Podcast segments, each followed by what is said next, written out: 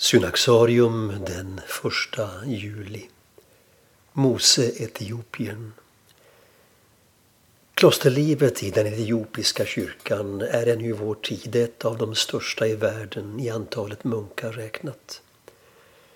Den första munken av etiopiskt ursprung var Mose Etiopien, även kallad Mose den svarte som idag firas inte bara i den orientaliska kyrkan utan även i det romerska martyriologiet och det bysantinska synaxariet. Han vördas som en av de främsta bland ökenfäderna. En andlig lärare och förebild som redan under sin levnad fick 500 efterföljare. Mose föddes i Etiopien omkring år 332. Han var enligt Palladius beskrivning mörkhyad, lång till växten och kraftigt byggd.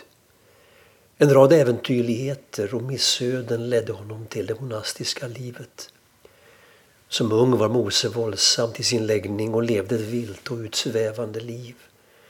Han hade begått en rad brott innan han kom till öknen i Sketis där han sökte sig till de munkar som fanns i öknen och tillbad den sanne guden. Själv hade han tillhört dem som dyrkade solen. Hans möte med ökenlivet ledde till en radikal omvändelse och ett liv fyllt av kärlek till medmänniskorna i evangeliets anda. Under de erfarna ökenfädernas vägledning, i synnerhet Makarius den store och prästbytern Isidor, mognade han i hängivenhet och övertygelse trots de svårigheter han mötte som mörkhyad utlänning. Mose insåg vilken stor barmhärtighet Gud visat honom och blev för munkarna i Wadi Laltrun ett gripande exempel på den ödmjukhet och mildhet som Gud kan fostra i en människa som tidigare varit främmande för sådana dygder.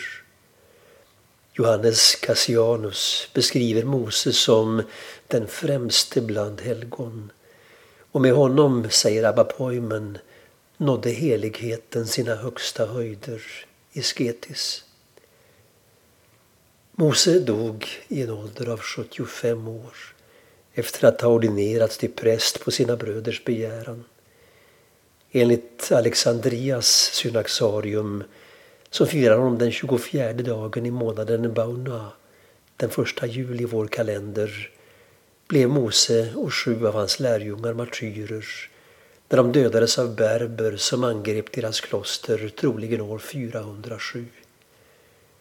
Mose, Etiopien, ligger begravd i klostret El Baramos i den egyptiska öknen.